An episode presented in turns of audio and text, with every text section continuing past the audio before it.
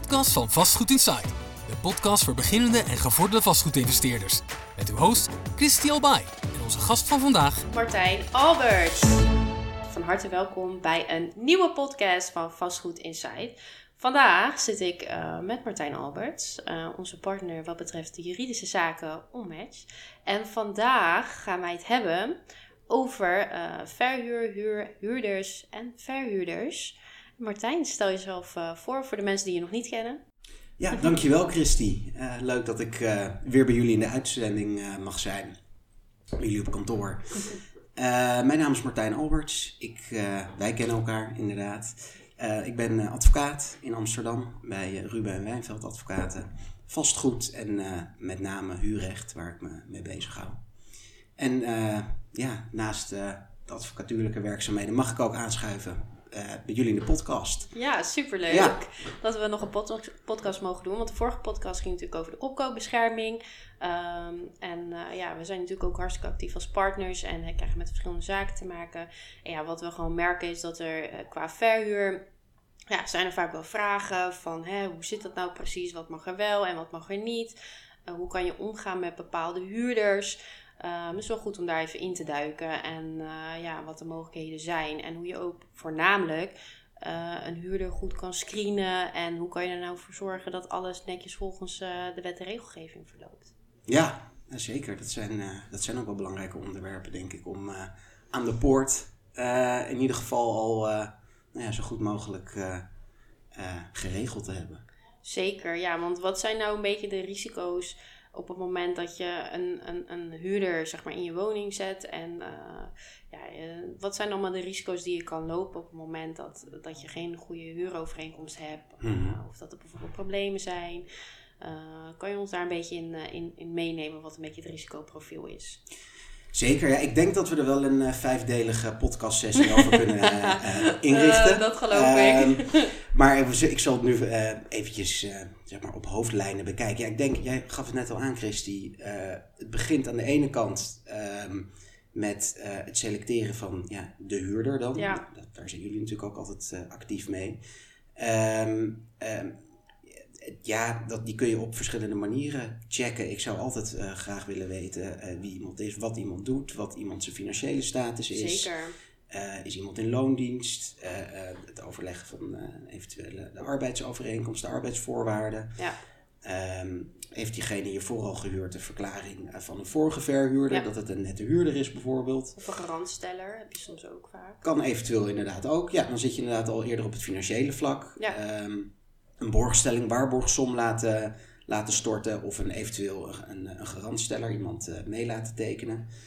Um, een waarborgsom, ja, in de, uh, in de woningverhuur is een maand of twee gangbaar. Ja.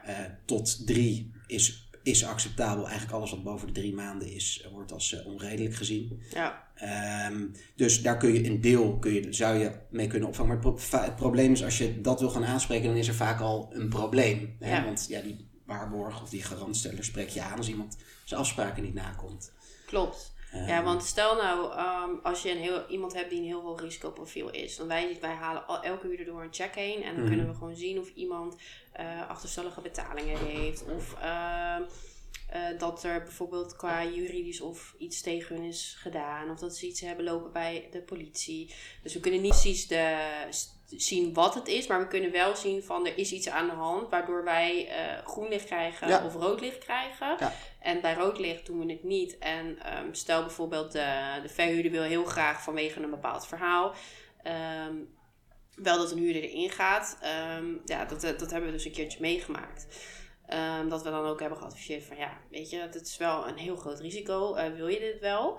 Uh, mag je dan een hogere borgstelling vragen omdat iemand een hoger risicoprofiel is? Hoger dan of meer dan drie maanden?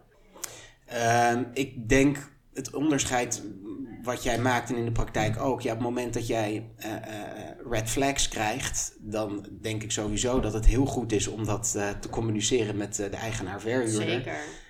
Um, ja, en het eventueel af te raden Mhm. uh, om, dat, uh, om, dat, uh, om daar een overeenkomst mee aan te gaan. Kijk, het uitgangspunt is, je bent vrij om te contracteren met wie je wil. Ja. Dus je hoeft niet Ehm, ja, en op het moment dat er echt alarmbelletjes gaan rinkelen en rode vlaggen wapperen, zou ik geneigd zijn om te zeggen: laten gaan. We gaan wel eens eventjes op zoek naar iemand die wel eh, eh, binnen het uh, goede profiel past. Ja, um, ja huurrechtelijk gezien, um, wat ik inderdaad net zeg, twee maanden zie je vaak in de praktijk tot drie maanden alles wat erboven komt.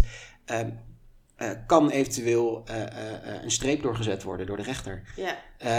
en dat kan dus ook gebeuren wanneer jij vindt dat iemand een wat hoger risico is. Ik zou het niet aangaan, ik zou het ook niet adviseren. Ik zou mhm. dus de huurovereenkomst al niet aangaan. Mhm. En ik zou dan dus ook niet voor bijvoorbeeld vier maanden gaan. Om de simpele reden dat het een maand meer is dan wat eigenlijk uh, wettelijk gezien is toegestaan. Ja. Zo zou ik niet eens aan raken. Ik zou daar geen overeenkomst mee aangaan. Dat zou mijn advies zijn. Ja, precies. Nou, maar het is wel goed om te weten, want er zijn gevallen waardoor mensen denken van oh, je gunt het iemand. Maar ja, om, dat, om dan het risico in te dekken, dat ze dan zeggen van nou, dan moet je wel meer borg betalen.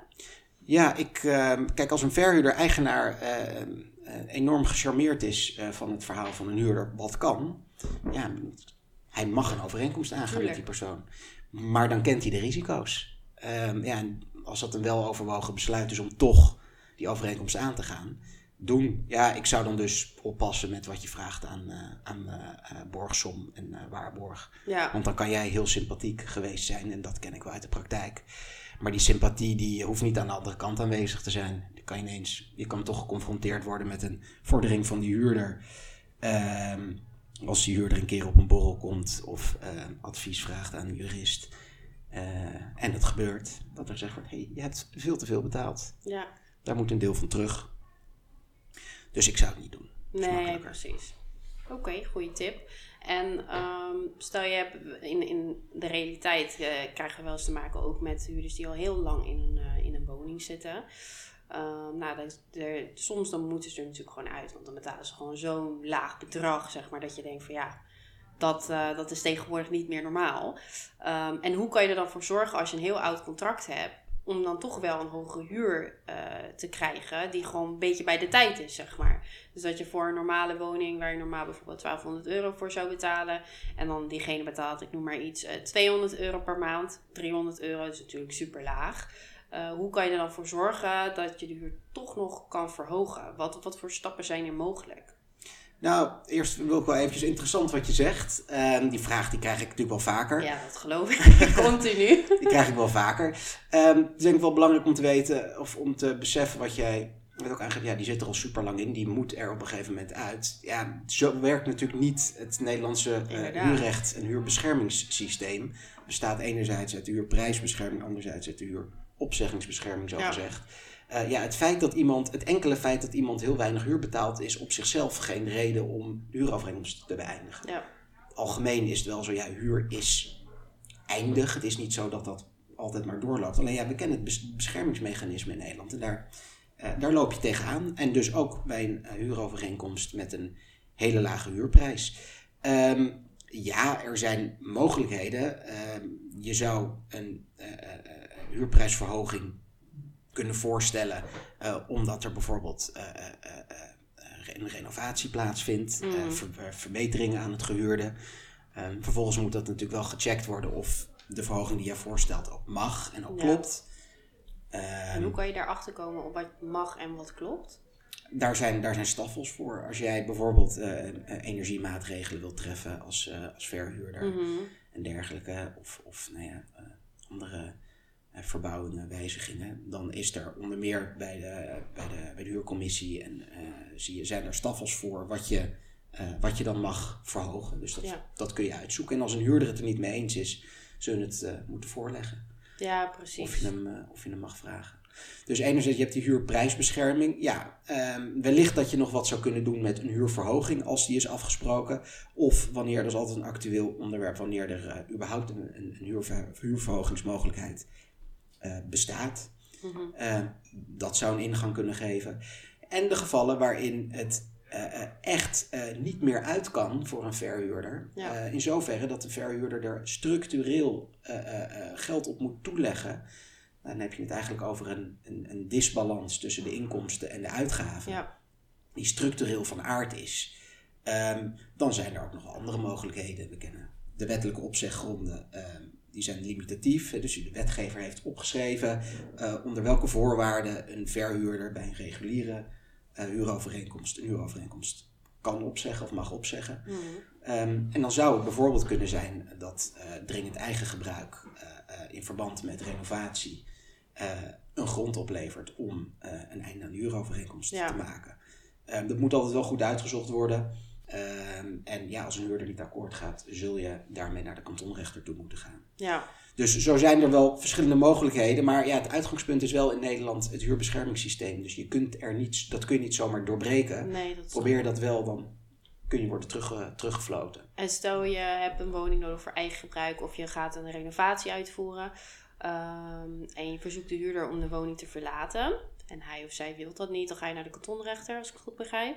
En hoe lang eh, duurt dan zo'n traject? Stel je gaat echt zo'n traject in van eh, de kantonrechter. Want ja, je wil gewoon graag die woning verbouwen en je wilt er eventueel zelf gaan wonen. Eh, wat, ja, hoe lang duurt dat? Hoe, hoe, hoe ziet dat eruit? Ja, nou, in, eerste instantie ligt het eraan of je een renovatie voorstelt met instandhouding van huurovereenkomst. Want dat kan ook. Dat zijn nou de wat lichtere renovaties, om maar zo te Ja. zeggen. Uh, of een renovatie zonder instandhouding. Ja. En die, die zie je vaak wanneer plaats en functie wijzigen. Um, dan kan die mogelijkheid worden ingezet. Jouw vraag hoe lang dat duurt. Nou, je moet er gemiddeld genomen uh, wel van uitgaan dat een procedure bij de kantonrechter uh, tot een jaar kan duren. Ja. Zeker wel. Rechtspraak heeft het heel druk. Dus minimaal een jaar. Ja. Um, er staat ook nog een hoger beroepsmogelijkheid open. Oh, dus ja, kan, een partij kan ook nog in uh, hoger beroep bij het Hof. Ben je zo ook weer grofweg een jaar verder. Dus twee jaar kan je Minimaal. minimaal mee bezig Ja. zijn. Ja, Dus dat kan al wel aardig wat tijd in beslag nemen. Als je dan uh, zelf, stel je koopt een woning en je wilt er zelf in wonen. En je denkt, oh ja, die, die gaat er wel uit. Die bepaalt uiteindelijk om het niet te doen. nee. Dan uh, zit je er wel even aan vast. Dan zit je er wel eventjes aan vast. Ja, ja. Oh, dat is ook, uh, het lijkt me geen prettige situatie. Nee, maar er zijn, in, er zijn wel echt mogelijkheden. En uh, het, het is in ieder geval goed om die mogelijkheden te onderzoeken Zeker. als die zich voordoen. Um, en je ziet ook wel in de praktijk dat er, dat er ook tussentijds nog wel geschikt wordt. Omdat er toch nou ja, partijen er onderling uit weten te komen. Ja. Dat gebeurt ook. Zie je dat het vaak gebeurt? Of zie je Dat, dat... zie, ik, zie ik gebeuren. Ja. Want vaak kan een verhuurder een huurder ook uitkopen, toch? Mhm. Begrepen. Dus dat ze een, schikking, een financiële schikking treffen. Ja, wat je dan ziet, uh, er zijn eigenlijk drie manieren, even los van een echte tijdelijke huurovereenkomst, uh, die we ook sinds een aantal jaar kennen, die van rechtswegen eindigt, Ja. als je dat afspreekt. Uh, kan een reguliere huurovereenkomst voor woonruimte eindigen door ontbinding. Nou, ontbinding kan alleen door de rechter, een paar uitzonderingsgevallen. Uh, door opzegging. Mm -hmm. nou, een huurder kan opzeggen zonder grond. Uh, en een verhuurder zegt erop met dus een grond. En als we in feite Ja. waar we het net over hebben. Of, en daar doel jij volgens mij op, wederzijds goed vinden. Ja. Dus ja, wanneer twee partijen het met elkaar eens zijn dat ze willen stoppen. En voorwaarden overeenkomen waaronder ze willen stoppen. Dan kan dat altijd. ja. En dan is het wel zaak om dat in een goed contract op te laten Ik nemen. wou dat net uh, Ja. benoemen. Want Absoluut. het lijkt me wel, stel uh, een huurder die, die is akkoord gegaan, je hebt iets met elkaar afgesproken en komt er daarna op terug en je hebt niks op papier staan. Lijkt me ook niet heel handig. Maar stel je hebt wel WhatsApp contact gehad of mailverkeer en je hebt het zwarte op wit staan, is dat dan ook rechtsgeldig?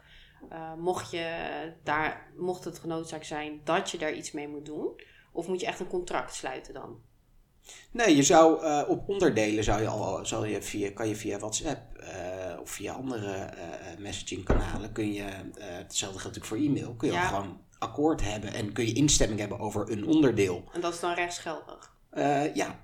Ja, ja, dat wordt wel eens een keer vergeten, maar dat is als jij iets op de WhatsApp afspreekt met elkaar, dan is dat gewoon rechtsgeldig. Ja, precies. Zeker. Want het staat natuurlijk dan ook zwart op wit. Want vaak zeggen ze ook wel eens dat als je het gewoon in persoon zegt, is het ook rechtsgeldig. Maar ja, als je daar geen bewijs van hebt, dan wordt het heel lastig. Ja. dan is het ene Zeker. woord tegen het andere Nou, woord. dat is nog wel eens een keertje de misvatting. Er wordt natuurlijk nog, nog steeds al gezegd, ja, maar een mondelinge overeenkomst is toch niet rechtsgeldig? Ja, het is hartstikke rechtsgeldig. Je- je, je zit met een bewijsprobleem, waarschijnlijk. Want Ja. ja, wat krijg je? Eh, de andere partij die eh, gaat het ontkennen. Ja, en dan moet jij het bewijzen dat het zo is. Ja, Dus het is hartstikke rechtsgeldig, maar je komt in bewijsnood in de meeste gevallen. ja, Dus precies. ja, eh, inderdaad op schrift. En wanneer het echt om een huurbeëindiging gaat, wanneer je met wederzijds goedvinden afspreekt dat eh, bijvoorbeeld een huurder eh, uit het gehuurde gaat, eh, zou ik het niet op de WhatsApp doen, maar zou ik het in een, eh, in een beëindigingsovereenkomst, in een vaststellingsovereenkomst Ja, regelen. vaststelling overeenkomst, inderdaad. Ja. dat is wel het handigst. Dan, eh, dan kan niemand ook meer er wat aan doen op een gegeven moment. Dan, dan is dat gewoon afgesproken, Ja. that's it. Ehm, dus dat is wel zeker, zeker een goeie. Ehm, en met, ehm, met huurders die bijvoorbeeld slecht betalen. Ehm, stel, een huurder heeft een achterstand opgebouwd. Hoe, wanneer mag je actie ondernemen en hoe gaat dat traject eh, eruit zien? eh, voor een verhuurder. Kijk, wij zijn natuurlijk de beheerpartij, dus als wij als red flag zien, dan gaan wij meteen eh, actie ondernemen. Eh, dus zullen we jou meteen inschakelen. En dan we bellen je regelmatig. Met wat moeten we doen Ja. en wat is nu het beste wat we kunnen doen. Ehm, dus ja, ik weet natuurlijk wel redelijk goed hoe een eh, traject eruit ziet. Maar ja, voor de luisteraars neem ik aan dat eh, niet iedereen weet hoe zo'n traject eruit ziet. Dus misschien is het wel goed om daar even wat meer inzicht in te geven. Van hè, hoe ziet zo'n traject eruit? Wat kan je verwachten als zoiets gebeurt? Natuurlijk gaan wij, als het van onze hand komt, natuurlijk vanuit dat het niet gebeurt. Want wij screenen de huurders gewoon echt super streng. En gaan echt niet zomaar een huurder in een woning zetten. Maar we hebben ook wel eens eh, dat we beheer overnemen van een andere beheerpartij. Waarbij iemand anders de huurder in heeft gezet nou ja, uit ervaring zie je gewoon dat niet iedereen dezelfde eh, maatstaven heeft als die wij hebben. Dus we hebben wel eens gehad dat een huurder dan niet betaalt. Mhm. Ehm, dus ja, hoe, hoe kan een, een verhuurder ehm, ja, dat traject dan voor zich zien? Dus Ja. die komt dan bij ons eh, met, met een huurder die dan niet betaalt. En die vraagt ons, ja, eh, mijn huidige partij kan niet oplossen. Eh, willen jullie het voor mij overnemen? Ja. Ja, dat gebeurt. Ja, dat Eh, gebeurt hoe, zeker. Hoe ziet, ziet dat er dan uit voor, voor een verhuurder? Ehm, nou, in eerste instantie begint het ermee eh, eh, eh, om, dat zeg ik ook altijd, je had het net over het screenen van je huurder, maar je kunt het nooit 100% voorkomen. Nee, dat is waar. Hè, Dat is Iemand kan stoppen met de huur betalen of een gedeelte van de huur. Ehm, eh, strak erbovenop zitten is wel. Dus meteen acteren. Ja. Ehm, en dat betekent ja, direct de eerste herinnering sturen. Meestal wordt er afgesproken dat het op de eerste van de maand op de rekening van de verhuurder of de beheerder moet staan. Ja. Ehm, eh, het, is een, het is een brengschuld. Je hoeft er ook voor de rest niks voor te doen. Het moet er gewoon zijn. Staat het er niet op, direct eh, een eh, herinnering eroverheen betalen. En eventueel nog een herinnering eroverheen. Maar een heel strak incassobeleid. eh en dus ook aan die huurder laten weten dat het menens is. Ehm, en dat doe je alleen door een heel strak beleid te voeren. Ja. Het is ook makkelijk, omdat je gewoon weet dat er op die manier gewerkt wordt. Dus zo kun je dat ook presenteren naar je verhuurder. Dus ik zou inderdaad zeggen, ehm, meteen een, eh, een eerste brief, een tweede brief eroverheen. Eventueel kijken of er eh, eh, kosten kunnen worden aangezegd, of er boetes kunnen, kunnen worden aangezegd. Want die staan heel vaak gewoon in de huurovereenkomst Ja. opgenomen. Dat is gewoon afgesproken als iemand te laat is. Ehm, en zo niet ook direct uit handen geven en zorgen dat er, dat er een, een eventuele dagvaardingsprocedure wordt gestart. Ehm, dan is het natuurlijk wel eventjes afhankelijk van hoe hoog de huurachterstand is.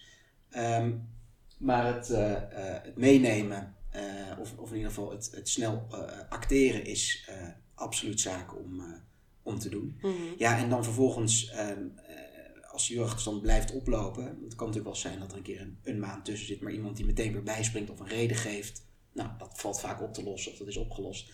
Maar anders, ja, krijg je maand in, maand uit met hetzelfde probleem te maken. Ja, inderdaad. Dus ehm, als de huurder eh, niet bereid is om vrijwillig te betalen, dan eh, moet het via een procedure. En eh, Ja. ja, dat kan, dat kan vrij snel afhankelijk van de hoogte van de achterstand. Ehm, eh, kan, het, kan het in een kort gedingprocedure. Ehm, en dan kan er eventueel ook een ontruiming worden gevorderd. Maar dan kan het redelijk snel lopen. Je hebt met, nou, met een aantal weken ben je op zitting. En een paar weken later heb je je vonnis. Ehm, doe je het in een gewone procedure in een bodemzaak ben je langer bezig. Ja. En het hangt er ook weer eventjes vanaf of de huurder in het geding verschijnt eh, Mhm. of niet. Eh, maar algemeen advies is eh, gewoon een strak, strak incassobeleid hanteren. Ja. Dat, dat, en dat kan gedeeltelijk geautomatiseerd zijn al. ehm, strakke termijnen, dat is mijn advies. Ja, oké. En met name, waar het namelijk ook voor doet, is ook om die schade zoveel mogelijk te, be- te beperken van de verhuurder. Ja, want een, een, een- maand minder huurinkomsten eh, is gewoon schade. Zeker. En een oplopende, slepende huurder blijft ook keer op keer schade. Niet alleen de huur die die binnenkomt, maar ook alle bijkomende kosten voor partijen die zich eh, er gedwongen mee moeten gaan bemoeien. Ja. Dus lik op stuk, om maar zo te zeggen. eh, meteen erbovenop. En als het inderdaad een, een hoge huurachterstand is, kun je dan ook vrij vlot een hopelijk wel solvabele, liquide, goede huurder eh, ervoor in de plaats zetten. Zeker, ja. ja. Want je ziet ook vaak inderdaad dat de huur dan al eh, minimaal drie maanden niet is betaald. Dus dan heb je al een redelijke achterstand.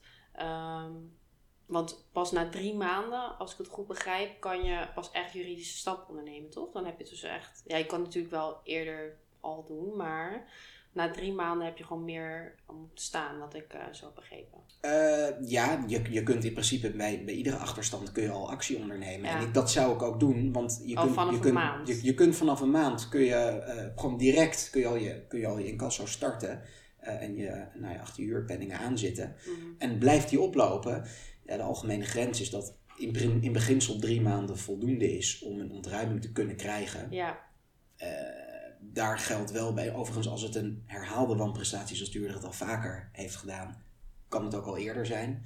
Eh, en dan hangt het ervan af eh, hoe de huurder reageert in die procedure. Maar in Ja, principe eh, kun je iemand er eh, dan vrij vlot uitkrijgen.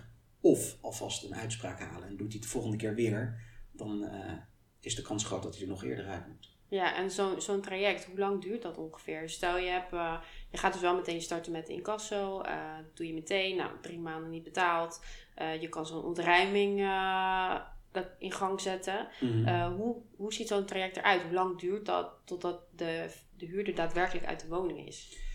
Ehm, grofweg moet je er rekening mee houden dat het een maand of twee à drie kan duren als het een kort geding gaat. Dus met een kort geding is een spoedprocedure. Ja. Ehm, hè, dus als er echt spoed is, hoge achterstand. eh, Mhm. je- er moet een ontruiming plaatsvinden. De huurovereenkomst eindigt dan officieel nog niet, maar Ja. ontruiming plaatsvinden. Ehm, daar moet je ongeveer rekening mee houden. Is die lager, dan zul je het, kan het ook een kort geding, maar dan kun je waarschijnlijk niet, niet ontruimen. Nee, precies. Ehm, en dan kun je het in een bodem, in een gewone incassoprocedure in een bodemzaak eh, doen. Die duurt langer, maar als een huurder niet reageert, heb je vrij snel een vonnis. Niet op tegenspraak, verstekvonnis noem je dat. Eh, ja, en als de rechter het eh, terecht vindt dat je dat instelt, dan krijg je die vorderingen toegewezen. Eh, dus ook, dan kan een bodemzaak ook nog met een aantal maanden al een uitspraak op. ja, precies. Maar om in ieder geval ook een, een rekening te houden met de mogelijkheid dat je een, een paar maanden mist, een maand of twee, drie, ehm, dat, is wel, dat is wel goed om in, eh, in gedachten te houden. Ja, Ja. Nee, dus dat zijn eh, volgens mij een beetje, of dat zijn in ieder geval mogelijkheden om eh, op te kunnen treden wanneer een, eh, wanneer een huurder niet betaalt. En het is inderdaad gewoon altijd wel goed om te schakelen en met de verhuurder, Ja. eigenaar, te overleggen wat de bedoeling is. Afhankelijk natuurlijk ook van de reden waarom een huurder niet betaalt ja natuurlijk ook in coronatijd wel gezien dat mensen het moeilijk konden hebben. Nou ja, zeker, ja. dan is er vaak ook wel maatwerk. Zeker, ja. En het is ook altijd wel goed om eerst met de huurder een gesprek aan te Tuurlijk. gaan. En om te kijken van, hè, waar zit nou precies het probleem? Waarom betaal je niet? Eh, kunnen we daarin eventueel eh, afspraken maken? Ehm, want ja, het is niet zo dat elke huurder die niet betaalt slechte intenties heeft. Nee, Dus het is wel belangrijk om altijd even te kijken voor als, ons als beheerder. Van nou, wat is nou precies de oorzaak? En kunnen we hierin een, al een schikking treffen voordat we überhaupt juridische stappen ondernemen? Want dat is natuurlijk het best, beste scenario. Ja. Ehm, helaas is dat natuurlijk niet altijd mogelijk. Ehm, we bespreken nu de gevallen waarbij we dus wel eh, juridische stappen ondernemen. Maar ja, er zijn natuurlijk ook gevallen waarbij mensen aangeven van ja, we hebben het nu even niet breed. Maar over twee maanden kunnen we het wel bijvoorbeeld Ja. betalen. Dus dan kan je natuurlijk, zolang je dat zwart op wit doet, eh, in samenspraak met de verhuurder, hiermee akkoord geven. En dat, je, dat het op die manier opgelost is. Want het is natuurlijk hoofdpijn voor beide partijen als je een rechtszaak hebt en gedoe. Zeker. En dat is natuurlijk je nooit wil het ook liever niet. Het is, Nee. het, is, het, is, het is ook niet de eerste optie die je bewandelt. En vaak in de situaties ook die we net besproken hebben. Ja, dat zijn de, de gevallen die niet meer werken of die echt niet willen. Ja. En dat zie je vaak, dat er eh, op een gegeven moment niet meegewerkt wordt. Er komt niks meer binnen, de achterstand loopt alleen maar op. Ja, Ja, en dan, dan, moet je, dan is het op een gegeven moment wel zaak om, om, eh, eh, om zo snel mogelijk het probleem op te, op te lossen. Hè? En dat is wat we net besproken hebben. zeker. Maar in heel veel gevallen, wat jij terecht ook aangeeft, eh, kijk je wat er überhaupt aan de hand is. Wat is de aard van het probleem? En ja. kunnen we dat onderling oplossen? Ja, ja, want vaak kan het al opgelost worden. Dus het is wel belangrijk dat, dat het niet altijd moet eindigen in zoiets eh, Nee. slechts. nee, precies. Dat is wel goed. Precies. Maar ehm, ja, ik denk dat we deze podcast alweer heel veel waarde hebben gedeeld wat betreft een stukje verhuur. En eh, dat we hier eh, wellicht in een eh, volgende podcast ook nog eens even wat dieper op in kunnen gaan. En ook wat verschillende cases kunnen, casussen kunnen bespreken. Ehm, maar voor nu denk ik dat we gaan genieten van de vrijdagmiddag. Wat denk jij ervan, Martijn? Ik ben het helemaal met je eens. Ik vond het ontzettend leuk dat ik weer bij jullie in de uitzending mocht zijn. En ja, graag tot de volgende keer. We gaan zeker genieten van de vrijdagmiddag. Ja, en misschien ook nog wel even goed om nog even een keertje aan te geven. We hebben natuurlijk wel in de vorige podcast gedaan. hoe mensen jou kunnen bereiken. Um, en ja, waar ze je kunnen vinden. Ja, absoluut. Um, mensen kunnen mij bereiken via kantoor Ruben en Wijnveld Advocaten, rubenwijnveld.nl. Um, wij organiseren ook een eigen podcast, het Juridisch Café. Ja, mm. leuk. Actuele onderwerpen op een redelijk low-key manier besproken. luister vooral een keertje en ja, wellicht tot, tot ja, voor jou tot ziens in de nieuwe podcast. Ja. En um, ja, dat is, dat is de manier. Ja, nogmaals hartstikke bedankt iedereen voor het luisteren. En nou, tot de volgende podcast. Ciao, ciao. Bye, dag. Nogmaals bedankt voor het luisteren van onze podcast. Vind je onze podcast leuk? Laat dan een review achter. Of wil je meer over ons weten? Volg ons dan op Instagram via @matchpropertymanagement en @christialbae. De podcast wordt mede mogelijk gemaakt door Match Property Management en Match Wonen.